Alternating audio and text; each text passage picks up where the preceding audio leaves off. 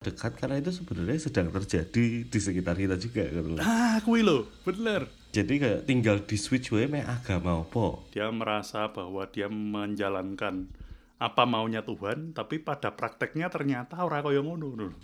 Kayak nek aku nek misalkan iki iki kaya ono rasa membaca harimau-harimau nek mungkin Indonesia ngono ya. Nek nggo aku ki membuktikan bahwa Robert Pattinson itu bukan aktor kaleng-kaleng.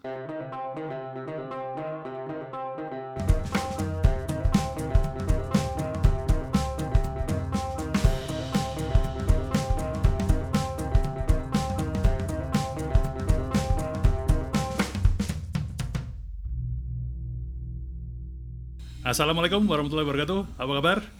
Alhamdulillah. Baik. Wah ini sedang sedang kayak kayak sibuk bolak-balik ke eh, luar Jawa gitu. ya. Iya, alhamdulillah ya. Sedikit merasakan menjadi bagian dari eh, masyarakat satu persen. numpak private jet ya Wijian. Raketang jari rasanya kayak numpak angkot. Iya, eh, aku aslinya enak numpak komersil sih. Tetap Karena lebih lapang. betul. Oke, sukses eh, buat projectnya ya. Alhamdulillah ya di tengah kondisi seperti ini masih ada project-project yang seperti ini berjalan dan semoga lancar. Eh, dan seperti biasa kita kemarin udah wes janjian nonton film. Satu film yang menurutku ini filmnya menarik sih. Mhm. Eh, tapi aku pengen melihat sudut pandang Sekonara juga sih. Iya, iya. Kita ini kemarin udah janjian nonton film eh, judulnya saya, saya aku wedi salah gitu. Aku tak buka IMDb sih dulu. Eh, Apa ki judulnya? The The Devil All the Time. Iya. Aku mesti nyebutnya The Devil All the Way. Mesti The Devil All the Time. Ini film yang baru di eh, apa namanya Netflix. baru baru kayaknya ya. Ya, Maksudnya baru, 2020 ya. ini. Belum ada sebulan sih dia rilis. Hmm, hmm, hmm. Wes Dan- saulan lah, saulan. Iya.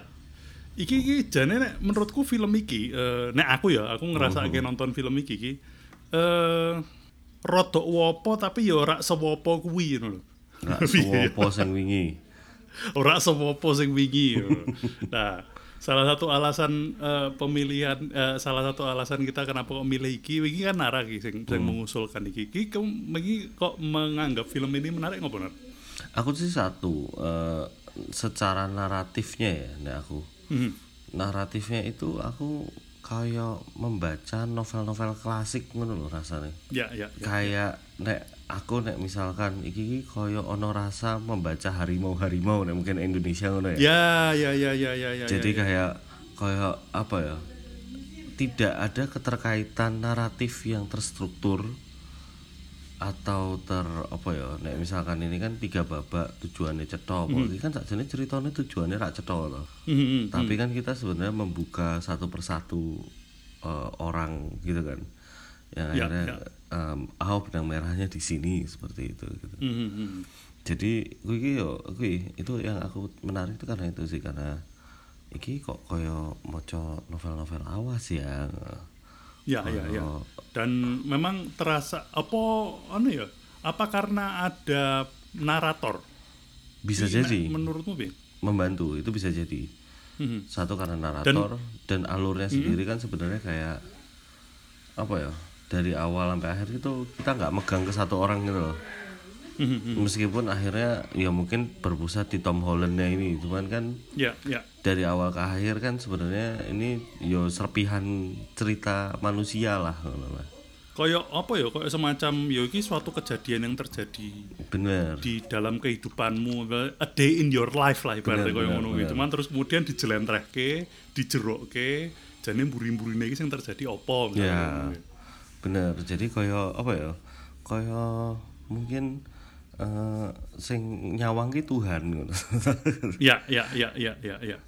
atau Bener, mungkin bener, kalau dalam kasus ini kenapa judulnya the, the devil all the time ya mereka selama ini kita nonton ya sing nyawang ki sakjane setan iblis Nah, ya. ini ini salah satu apa ya? Salah satu yang menarik juga sih karena eh, narasi di di film ini itu kan mesti ono kaitannya karo eh, faith ya, kepercayaan. Hmm, bener Maksudnya eh, yang yang menceritakan tentang bagaimana si seorang veteran perang ketika Denen balik bahwa Denen Denen percaya bahwa Denen ki selamat ki mergo karena kuasa Tuhan lah ibaratnya. Sehingga terus kemudian sampai Denen membuat kayak semacam apa ya gereja outdoor lah ya. Mungkin gereja pribadi ning outdoor. Benar, benar. gawe gawe dewe terus kemudian bercerita juga tentang seorang apa namanya eh, penceramah benar terus juga bercerita tentang seorang eh, anak perempuan yang apa namanya eh, memasrahkan dirinya kepada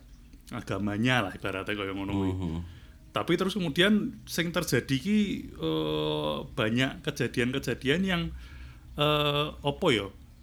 Maksudnya ki surgawi tapi dadinya malah nerakawi piye ya?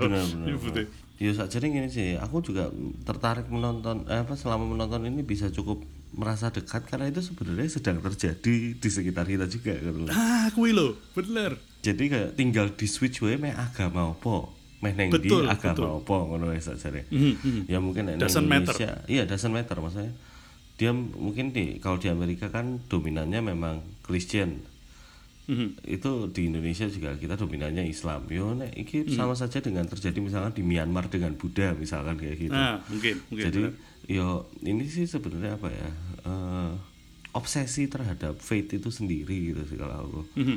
kayak bahwa adanya mukjizat gitu terus habis itu eh, bahkan akal akal ki ditubruk ngono ya kasarannya Ya, gitu sih. Terlalu banyak hal-hal yang eh, kita justifikasi sebagai perintah Tuhan, walaupun jane burung mesti kaya ngono kan? Kaya ngono toh, ibaratnya. Jadi kan tokoh-tokoh yang di sini tuh merasa dia mendengarkan perintah Tuhan, dia merasa bahwa dia menjalankan apa maunya Tuhan, tapi pada prakteknya ternyata ora kaya ngono. iya benar Eh, dan kui terjadi aku kita di kelingan iki maksudnya eh ya nek ngobrol karo konco-konco sing sing tahu sekolah nang pesantren lah. Jarene iya iya. Nek, nek caca sing do tahu sur- sinau nang pesantren iki kan eh, banyak. Atau ini banyak terjadi lah nenggone apa eh, waktu itu sempat ngobrol-ngobrol juga eh, nenggone UIN di UIN mana saja lah. UIN Semarang, UIN Jogja, UIN, UIN Jakarta segala macam. Di UIN itu justru akeh bocah-bocah sing jarene iki dalam tanda kutip iki keblinger malahan gitu.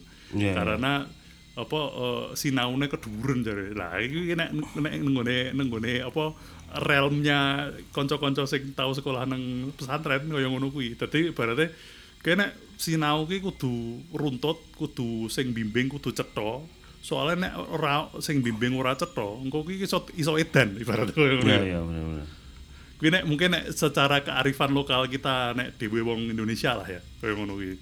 Tapi kan yang tergambar di film ini kan kurang lebih kan jane kaya ngono kuwi kan ibaratnya kelakuannya wis kayak jane kelakuan wis kayak kelakuan wong edan dan dia ber- berkata bahwa iki ki karepe Gusti Allah iki jane gitu. Tapi ternyata kuwi ki meng justifikasi dalam pikirannya dia sendiri gitu. betul gitu jadi yo yo nek menurutku apa ya ini tuh sebenarnya yo aku bisa dulu juga kayak misalkan berobat neng kiai ngono.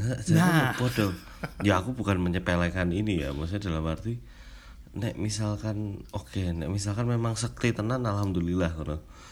Tapi kan ada juga yang model-model si Robert Pattinson di film ini gitu kan. Nah, yang apa mulane kan bangsane eyang subur, eyang subur Nah. itu dadene kan kaya ngene kaya ngene iki to. Iya, Grandpa pembejatan- Fertil itu. Pembejatan eh, bertabir eh, apa keagami eh, bertabir agamis gitu kan. Nah, kayak ngono. Iki, iki iki cuman kalau menurutku di film ini nggak dibahas aja yang gini-gini. Walaupun nang Amerika ki ya banyak terjadi hal-hal yang koyo ngene iki. Terus misalnya nang dhewe kan dadi akeh to. Apa Dimas Kanjeng ibaratnya ngono-ngono gitu.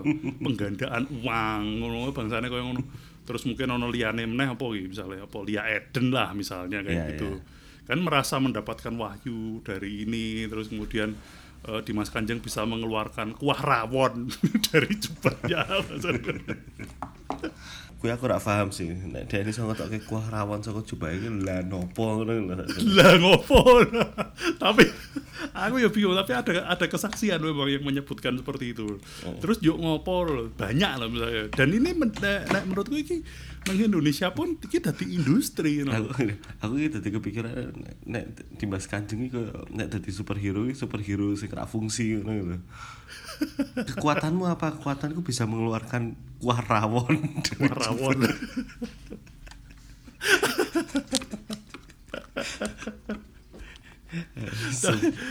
Tapi ini tak pikir salah satu refleksi yang menarik banget tuh di di sisi-sisi koyo ngene iki dan kembali lagi aku mengingatkan itu bahwa ya wong ki kadang-kadang nek sinaune ora eh, dibimbing dengan benar itu maka terus Benar. dia iso keblinger karena ora ono komparasi nih kan Denen. Dan ora ono sing tidak ada kan kuwi kan Denen hanya bertanya pada dirinya sendiri kan.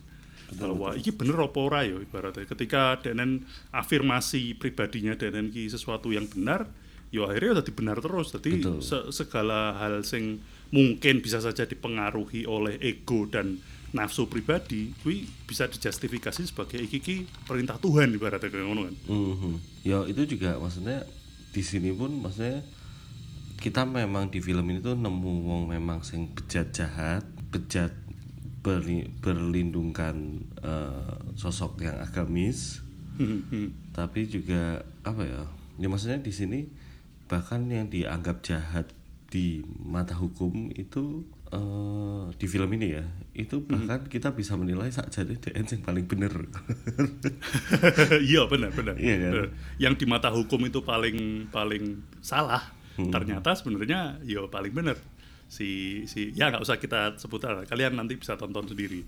Iki aku tadi kelingan iki. Aku waktu itu sempat bahas juga dengan teman-teman itu ono eh, apa ya kalau nggak salah anak Win Semarang kalau nggak salah. Ada yang Hmm. nulis buku agama skizofreni. Jadi kalau menurut teorinya Denen kuwi iki eh, bahwa eh, apa ya eh, nabi-nabi itu iki menurut te- teorinya Denen ya maksudnya teorinya Denen iki eh, nabi-nabi kuwi eh, batasan antara wahyu karo skizofrenia kuwi iki jadi tipis banget ibaratnya. Ya, Jadi ya. kalau dari mata logika itu bisa di- bisa dilihat sebenarnya para yang dianggap utusan-utusan Tuhan ini iki, iki skizofrenik loh. Karena Darren Darren ini melihat sesuatu kan jadi kan gejala-gejala dipikir-pikir kan mirip kan.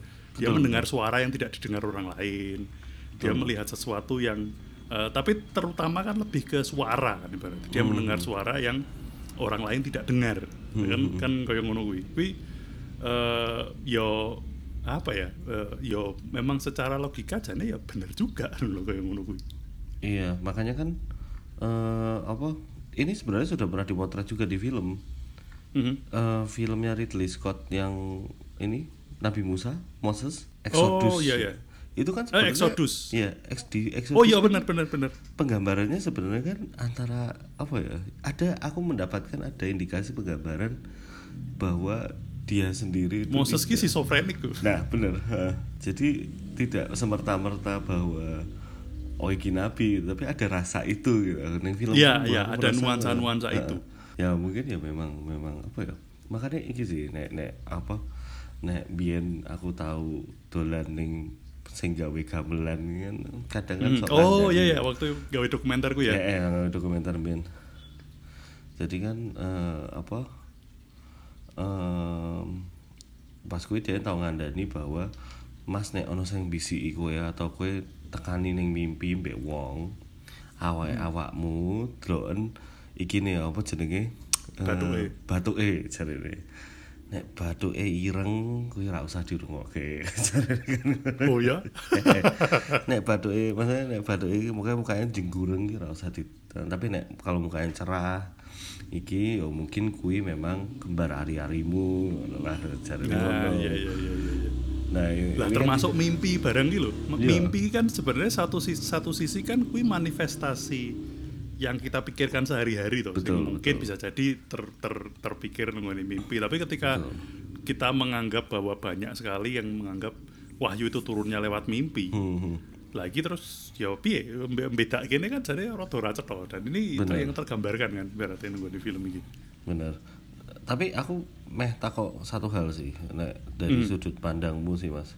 Eh, kenapa set nek menurutmu secara history kenapa setting yang ditaruh tuh di tahun ini film ini apakah memang nek neng Amerika sendiri di tahun ini tuh memang banyak ekstremis oh, tidak ekstremis sih apa sih yang orang-orang yang obsesi terhadap agama atau Kuwi Iya, sampai memang. kuwi nek nek kuwi sih sampai saiki wae akeh. Ya, makanya padha kan. wae. makanya kan sajane padha wae tapi nek menurutmu kok juga iki malah persis barbaran perang dunia atau kisah cerita Ah, nek aku kok melihat benang merahnya kok iki ya, karena iki ya iki inline dengan judulnya juga sih, uh, The Devil All the uh, All the Time. Kui uh, yo jane sing marak ke perang dunia dua iki apa to? Hmm, Sing marak ke perang dunia dua iki kan yo apa uh, apa evil power kan ibaratnya nek- nek dari sudut pandang Amerika kan. Kemudian ono ono simbol ono simbol apa jenenge pistol Luger kuwi iya iya pistol Luger yang dibawa pela- dibawa pu- pulang dari perang ibaratnya kayak ngono kuwi. Terus kemudian sampai eh, j- jadi kan ini timelinenya kan eh, sekobar perang dunia kedua bapak E tekan anak E terus kemudian SKP dan kan yang terpikir nang dan kan SKP adalah wah aku enlist wae lah aku melu perang Vietnam, Vietnam. wae ibaratnya. Dan kembali lagi perang Vietnam kalau yang di kemudian dibahas di eh, The Trial of Chicago Seven kan kan? Memprotes ha. perang Vietnam kan? Bahwa perang Vietnam ki ora penting maksudnya iki ki cuman kuas apa ya ke, ke- pe- perang Vietnam itu tidak akan terjadi nek ora sing tapi kebalikannya lho evil power iki tadi ini Amerika sing evil power. Nah aku kok ndeloke eh yo jane semua semua perang itu terjadi karena evil power. Mhm. jadi ini tuh campur tangan devil gitu loh. Walaupun orang-orang ini mengatasnamakan perang, kabeh wong kan berangkat perang kan selalu atas namanya kan atas nama perang suci kan. Mhm. Semua orang menganggap bahwa mangkat perang dia adalah tugas suci Betul, yang betul, diemban dari negara atau dan kabeh wong yang mangkat perang kan mesti kan berdoa betul betul pengen menang Nah aku ndelok kok korelasinya arahnya rono hmm. makanya ditaruhnya di settingnya tahun-tahun sama ini ya Ya, dan itu kan pas sak generasi kan kuwi. Jadi eh, rata-rata kan koyo ngono kuwi. Jadi sing apa eh, generasi sebelumnya nang perang dunia kedua, nang generasi selanjutnya ana nang perang Vietnam karena itu jaraknya berarti kan sekitar 20 tahunan. Dari 45 ke 65 ya 20 ya 22 tahun. tapi berarti 20 nek tahunan. dipikir Amerika ki telung generasi ki perang terus ya Oh, Amerika kira tau ora perang. iya sih ha, bener sih gue lebih tepatnya sih Amerika kira tau ora perang, perang dunia satu, perang seko seko apa wes, seko seko perang revolusi, terus kemudian eh, apa perang civil war, terus kemudian eh, perang dunia satu, melu, perang dunia dua, melu, perang Korea, perang Vietnam, baru perang teluk, baru perang teluk part 2 baru kuwi om- apa meneh ono terus perangnya terus baru kuwi 9/11 saiki meneh perang dagang perang terus Amerika iki ora tahu perang ora tahu ora perang ora tau leren nek nek Ora dadi tau wong leren. dadi wong ki usrak no Heeh, karena dan itulah Ya, kenapa anggaran militernya Amerika itu gede banget. Iya, anggaran tapi militer. memang, memang ininya di sana kan mereka sebenarnya. Apa? Iya, salah iya. satu income terbesarnya ada di sana kan. Ya industri wi kan. Makanya Hmm. kan terus nek nek jarene eh industri kan nek pengen rich ki corone akeh, tapi nek pengen wealthy. Hmm. Iki maksudnya eh, wealthy ki corone telu secara tradisional. Industri farmasi, Hmm. industri perang karo industri apa sih aku lagi. Eh, industri kesehatan, industri perang karo industri apa mana sih sebenarnya aku lali. Transportasi, eh, energi, energi. Energi, Hmm. Oh, iya. eh, kesehatan karo perang ya nek kowe pengen wealthy dadi cukong-cukong ibaratnya ki eh, bohir-bohir politik sing nang nggone Amerika ki juragan tiga hal ini gitu loh. Antara industri kesehatan industri militer sama industri energi antara kuwi Iya sih, benar sih gue. kuwi sing eh, menurutku eh, yang tidak terceritakan lah menggone menggone film iki tapi eh, ya tersirat lah ibaratnya. Ngono kuwi.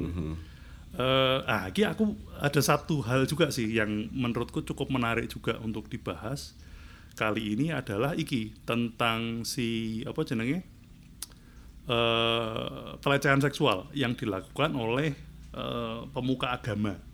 Iya, ini kan iya. ini ya tergambar juga nang kene kan. Sebelumnya kita pernah melihat juga kasus yang dikupas tuntas nang ngene. Iki kita best picture ya film Spotlight di Spotlight. Ya ya di Spotlight juga membahas itu kan. Tapi kan ini jaringannya besar dan internasional dan melibatkan agama terbesar di dunia ibaratnya kan kayak ngono kan.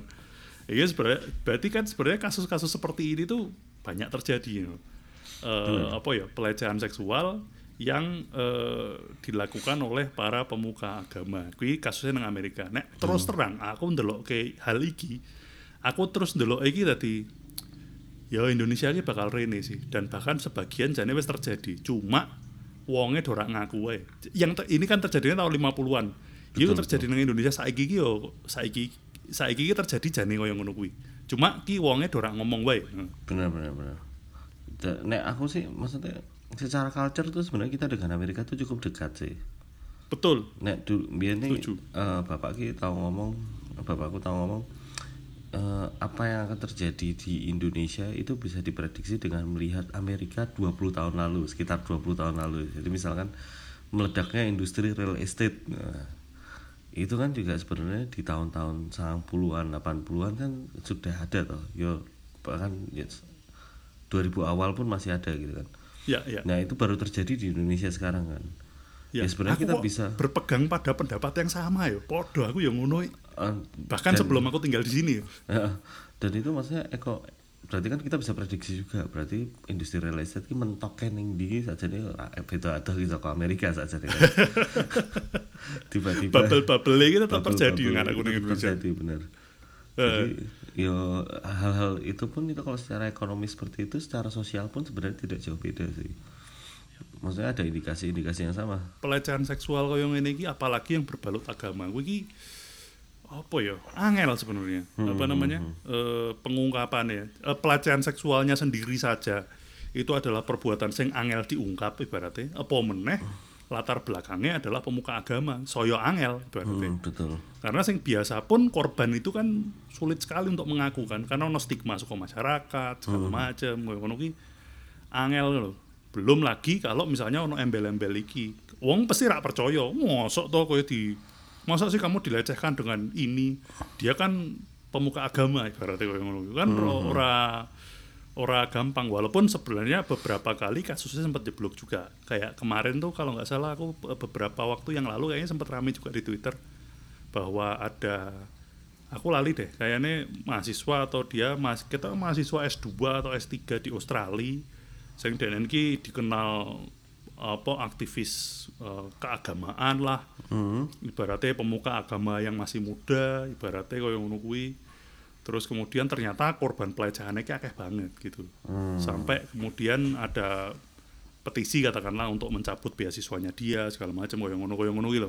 Itu sempat jeblok juga. Tapi kan yo ora gampang kan untuk me- menjebak eh, pelaku ini gitu loh karena mungkin pelakunya pun seperti yang tadi kita sudah bahas pelakunya pun merasa ada justifikasi dari apa ya eh, justifikasi bahwa yang dia lakukan itu eh, ada alasan-alasan keilahian lah ibaratnya di balik itu mungkin bagaimanapun dengan justifikasinya ya ibaratnya Iya, heeh, sepakat sih itu. Yo kui pun sebenarnya apa ya? Yo ini pun bukan film pertama yang membicarakan itu ya kalau di Hmm, Amerika banyak. ya contoh. Udah apa ya? Yo dan itu pun tekan aku kelingan aku nonton film Almodovar pun ada isu ini pun diangkat gitu. loh. Yang di mana itu udah nyebrang laut sih. Jadi sebenarnya ini Mhm. mungkin tidak hanya isu kelokalan seperti Amerika dan Indonesia tapi memang ya isu yang apa ya yang memang global isu sih. global bener itu Eh, mungkin- terjadi Ya, mungkin tendensinya adalah ketika orang sudah merasa paling suci, ya ngono sih. Hmm, Aku. hmm. Kekuasaannya diambilnya dengan cara dia menjadi apa ya? Secara brand image ki tidak tidak mungkin rusak ngono. Hmm, hmm. Sudah dianggap seperti itu. Jadi, ya mungkin kayak apa ya? Kayak katakanlah bahkan mungkin brand sekelas Starbucks lah misalkan Hmm, hmm. mungkin Starbucks dibilang adalah mereka merugikan petani gitu. Yo ada suara seperti itu, tapi kan sebenarnya brand image-nya nggak bergerak tuh. Iya, dia tetap ngomongin Starbucks gitu. Nah, Hmm, hmm. eh, mungkin hal yang sama tuh yang dirasakan. tapi oleh- kalau masa digerakkan oleh isu-isu waduh,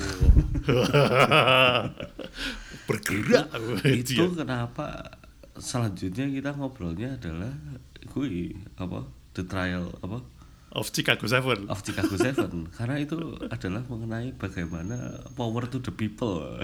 Wah ya gue bener. Oke, ini tadi kita udah cukup banyak bahas tentang jalan cerita dan isu-isu sosial yang melingkupinya. Tapi ini aku mau menyoroti eh, beberapa hal juga terkait dengan film ini. Eh, Ya nonton film iki ki nek nggo aku ki membuktikan bahwa Robert Pattinson itu bukan aktor kaleng-kaleng. Luar biasa sih, ngeri sih dan mainnya kene ngeri sih. betul betul Iya pendapatmu Nur? dan ini aku sepakat dan bahkan eh, di beberapa ini pun banyak yang mengatakan bahwa ini adalah salah satu penampilan terbaiknya Robert gitu. Ya, Tapi ya. menurutku memang Robert secara secara apa ya? eh, secara rekornya dia pun sebenarnya dia adalah aktor yang memang dua-duanya sih sebenarnya. Nek, ini ya angkatan Twilight ya. Mhm, Robert Pattinson dan si siapa jenenge? Eh, Kristen Stewart.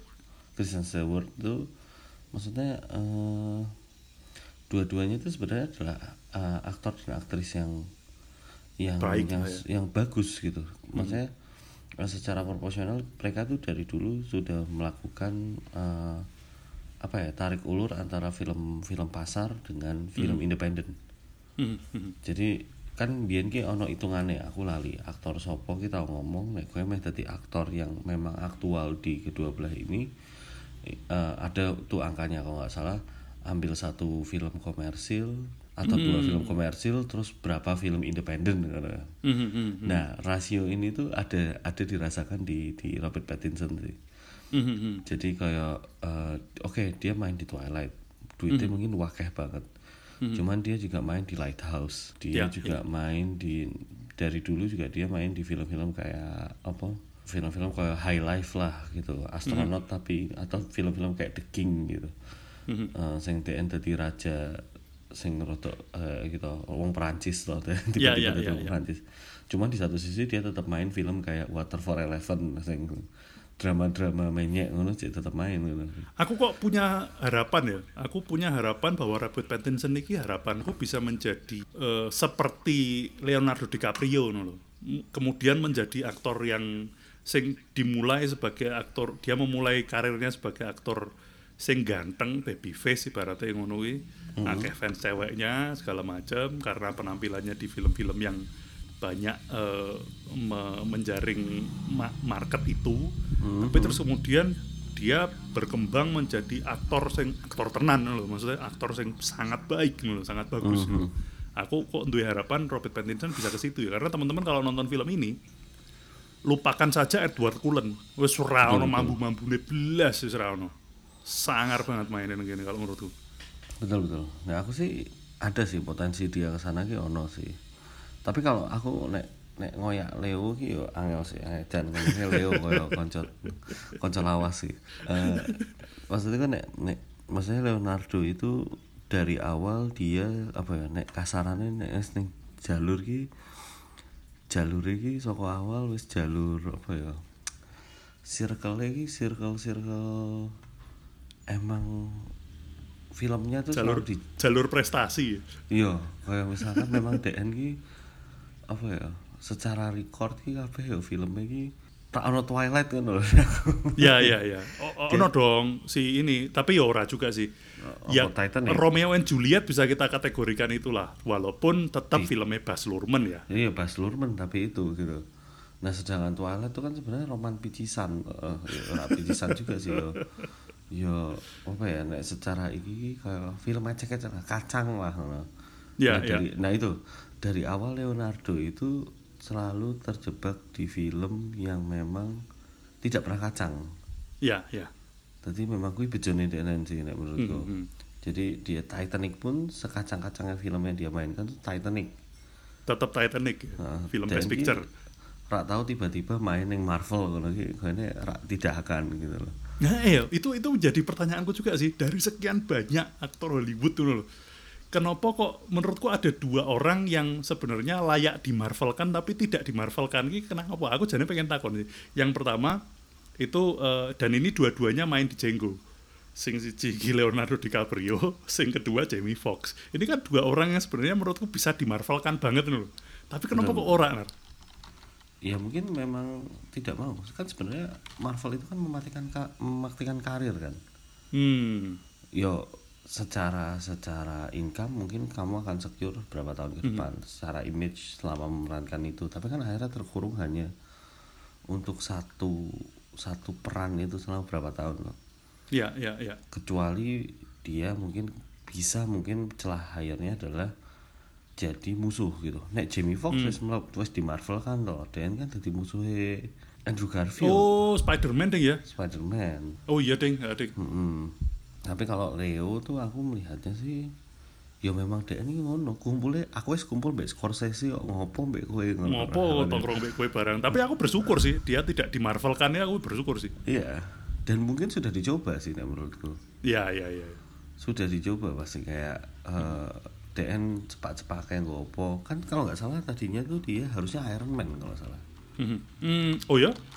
cuman eh, akhirnya jatuh ke Robert Robert Downey Jr. gitu. Aku pernah mendengar sih ada beberapa eh, ada beberapa isu eh, dibilang katanya dia mau gantiin Robert Downey Jr. gitu. Sempet sih digadang-gadang. Cuman yo yo menurutku ojo lah. Tapi ngomong-ngomong tentang Marvel di film ini juga ada eh, apa namanya ada aktor Marvel yang bermain dan penampilannya juga menurutku sangat prima. Bagus Iya, ini Tom si Holland. apa si eh, Tom Holland dan eh, Winter Soldier. Siapa kuwi? Si Bucky. Oh iya iya si eh, eh, sing dadi serif gitu. Ah, ah, si- itu pun ya juga po- penampilannya sangat baik sih Bener. menurutku Nah, kalau Tom ini. Holland menurutku ini pinter sih karena em, ikut main di sini. Jadi nah aku dulu eh adalah dia mungkin juga secara karir strategi belajar dari senior seniornya dia seperti Robert dan siapa jenenge Chris Sopo sing mak dadi eh, eh, em- apa Captain America Eh, eh, anu Chris Evans Chris Evans gitu kan.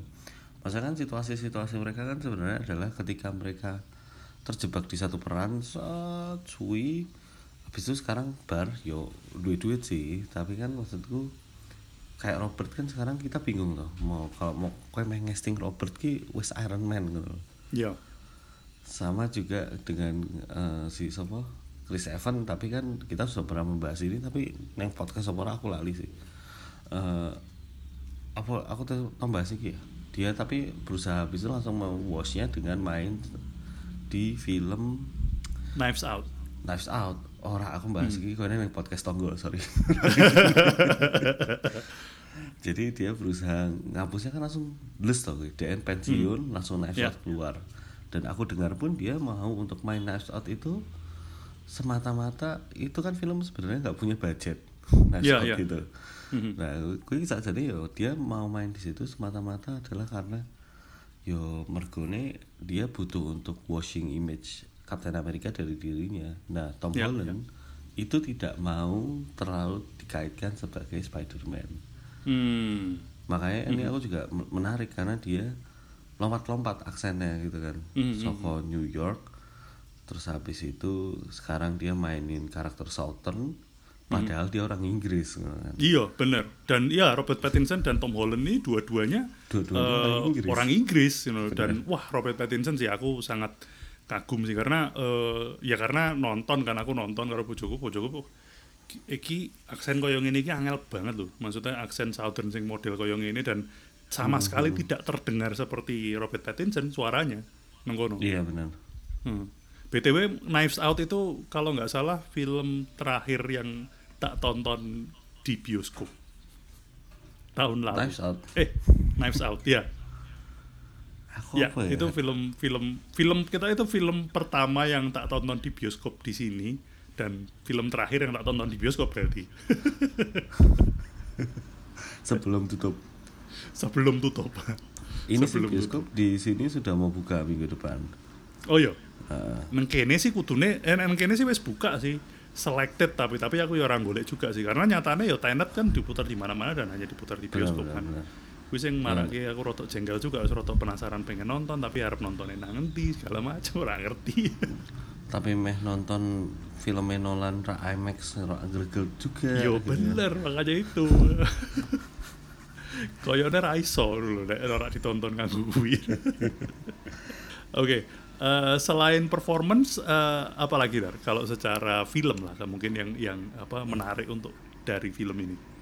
sebenarnya ya balik tadi yang pertama sih kalau aku menyoroti adalah ya ini tuh tipe film yang memang dia tidak tidak glamor secara produksi atau secara tapi memang sutradaranya punya record ke sana sih dalam arti dia memang film-filmnya cenderung uh, ada di cerita dan di apa namanya istilahnya di pengaktoran sih kalau aku melihatnya Ya, ya.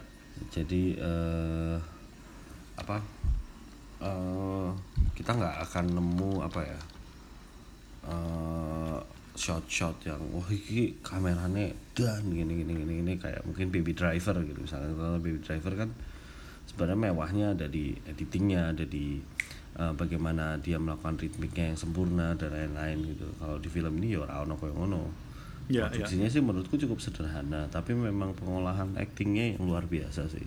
Hmm, hmm. di satu sisi itu di sisi lain memang secara naratif ya seperti yang tadi aku bilang sih. Iki iki apa ya? Nek kita bagi secara struktur ku iki rak ketemu lah sebenarnya. Menurutku Oh ya? koyone rak ketemu koyone rak ketemu dalam arti nek dilebokke ning struktur Hollywood normal iki koyone ceritanya rak ketemu iki karena kan tidak ada sentral karakternya semua Iya. karakternya bergerak terus kau nonton saja nih kau nonton Game of Thrones sih sebenarnya rasanya film ini hmm. yo wes melaku we Game of Thrones season season awal ya rak season Ya, ya. season akhir Kan wes fokus banget ke beberapa Nek karakter season, season akhir kan wes fokus kan di awal kan kita kan rasanya kayak gini kan kayak hmm oke saya aku ngikuti ceritanya iki Ngerti-ngerti eh ganti. jebol ngerti- ngerti-ngerti mati Ngerti-ngerti mati.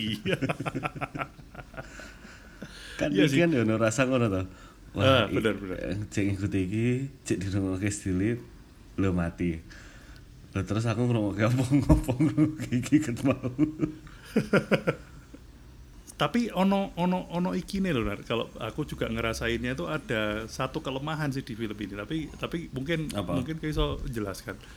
Kelemahannya film ini tuh adalah yang tadi kita anggap sebagai keunikannya bahwa iki ki, eh, koyok sesuatu yang terjadi dalam kehidupanmu sehari-hari banget lah ibaratnya iki mungkin terjadi pada semua orang lah. Cuma terlalu biasa sehingga terus kemudian film iki rodok eh, rodok setelah rampung nonton ki rodok yo lewat tuh loh filmnya. hmm ya Menurutku. foto ampang lah hmm. Roto Ampang. Bukannya Roto Ampang sih sebenarnya sangat-sangat eh, pesannya sebenarnya sangat ini eh, sangat ker- kentara sebenarnya pesannya. Cuma Iya, terus iya. kemudian dewe koyo koyo ya oh ya oh ya wis ngono tok. Padahal ini sebenarnya kan film yang sang film yang bagus ngono lho. ya benar-benar Tapi kena ngopo eh, apakah memang dirancang seperti itu atau Nah, memang menurutku memang dirancang seperti itu sih hmm, karena dari film dari awal sih aku rasanya nonton ini kayak ya memang memang kayak wong cek cerita ngalur ngidul wae ngono loh. hmm, hmm, hmm. Dan tapi ini memang menjadikan uh, ada dua kubu sih. Maksudnya dalam arti pasti ada yang suka, ada yang nggak suka. Hmm. Uh, itu kayak tipe film yang yo ra iso setengah-setengah either love it or hate it ngono sih menurutku sih. Jadi uh, jadi menurutku juga apa ya? Yo nek misalkan dirasa oh ya wis kuwi memang oh ya wis. Gitu sih. Cuman uh, atau ke- eh, memang maksudku ini aku juga menangkap kesan bahwa filmnya kalau tadi nek ma- tadi Nara bilang bahwa memang kayaknya film memang dirancang untuk seperti itu deh jadi terus kemudian aku rasanya bahwa fakta-fakta mengerikan ini maksudnya kan koyo koyo hal-hal koyo ini kan mengerikan loh yang, yang terjadi Betul, ya mereka le- salah satu komentarku aku harus nonton film karo bojoku nang Amerika ini kakean hutan mbek guru no. Kayak iki mlebu sithik mlebu hutan-hutan sithik ra ono wonge mateni wong lagi ketemu 10 tahun ngono iki mulane nang kene iki akeh murder misteri gara-gara koyo ngono kayak ngene iki lho. Maksudnya ini hal-hal yang mengerikan kan maksudnya pelecehan seksual pembunuhan terus misalnya ono perilaku-perilaku sing aneh lah ibaratnya perilaku-perilaku seksual sing aneh-aneh lah ibaratnya koyo ngono kuwi terus pola-pola pemujaan sing piye-piye segala macam iki iki sesuatu yang mengerikan ada di kehidupan kita sehari-hari diakhiri Tapi dengan kita- sesuatu yang flat. bener karena kitanya sendiri tahu itu ada itu ada di sekeliling kita cuma kita pura-pura nggak tahu Kui, apakah terus kemudian ngono ya maksudnya Daknan ya? Eh, mungkin gini sih, memang apa ya?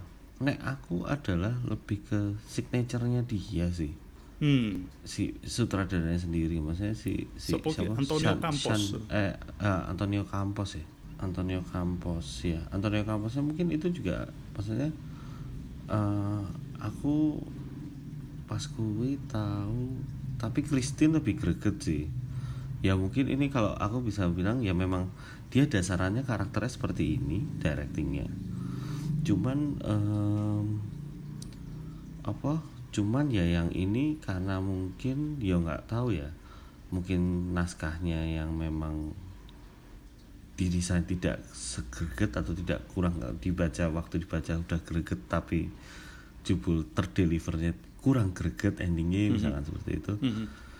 Eh, itu ya bisa saja terjadi kan gitu cuman Mhm. ya nah aku ngelihatnya memang dia dasar karakter dari directingnya sendiri memang seperti ini gitu Hmm. Bagaimana cara dia memilih cerita dan lain-lainnya memang seperti ini Mhm. nah aku pun sebenarnya eh, memang ada rasa pengen di di apa ya di kentang tuh di kentang kayak kayak memang slice of life kan loh Mhm.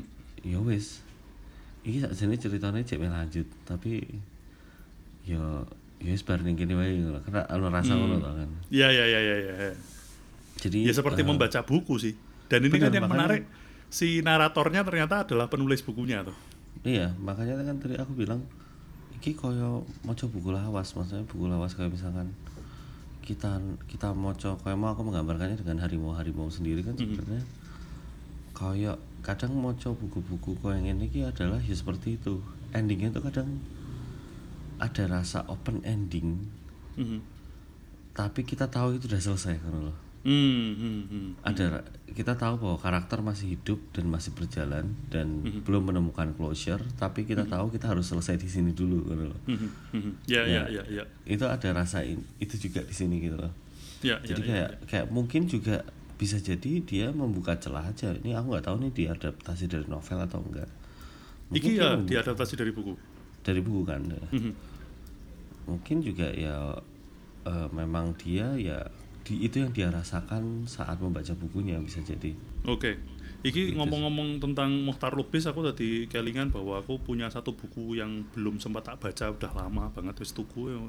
Mau urung sempat tak waca Muhtar Lubis bukan harimau-harimau tapi judulnya Jalan Tak Ada Ujung. Ini salah satu novel salah satu karya pentingnya Muhtar Lubis aku ya penasaran juga sih pengen moco karena tiap kali ketemu teman-teman yang suka sastra mesti wah itu tuh moco Jadi, oke. aku tadi kelingan nih gara-gara bahas harimau-harimau sepertinya harus segera dibaca ntar tak wajah deh Ah, iki eh, ya itu salah satu inilah salah satu sastrawan yang harus kita kenali karya-karyanya.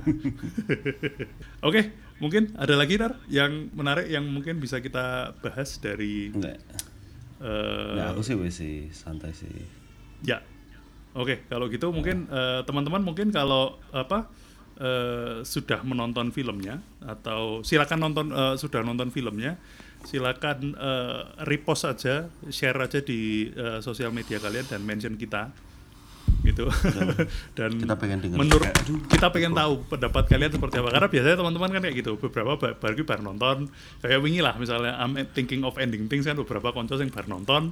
Terus Iya. kemudian mereka menulis narasinya dan kita dimention gitu. Nah, itu menurutku itu eh, menarik untuk kita. Oh ternyata ada perspektif seperti ini juga. Mungkin kita bisa bahas di episode-episode yang selanjutnya.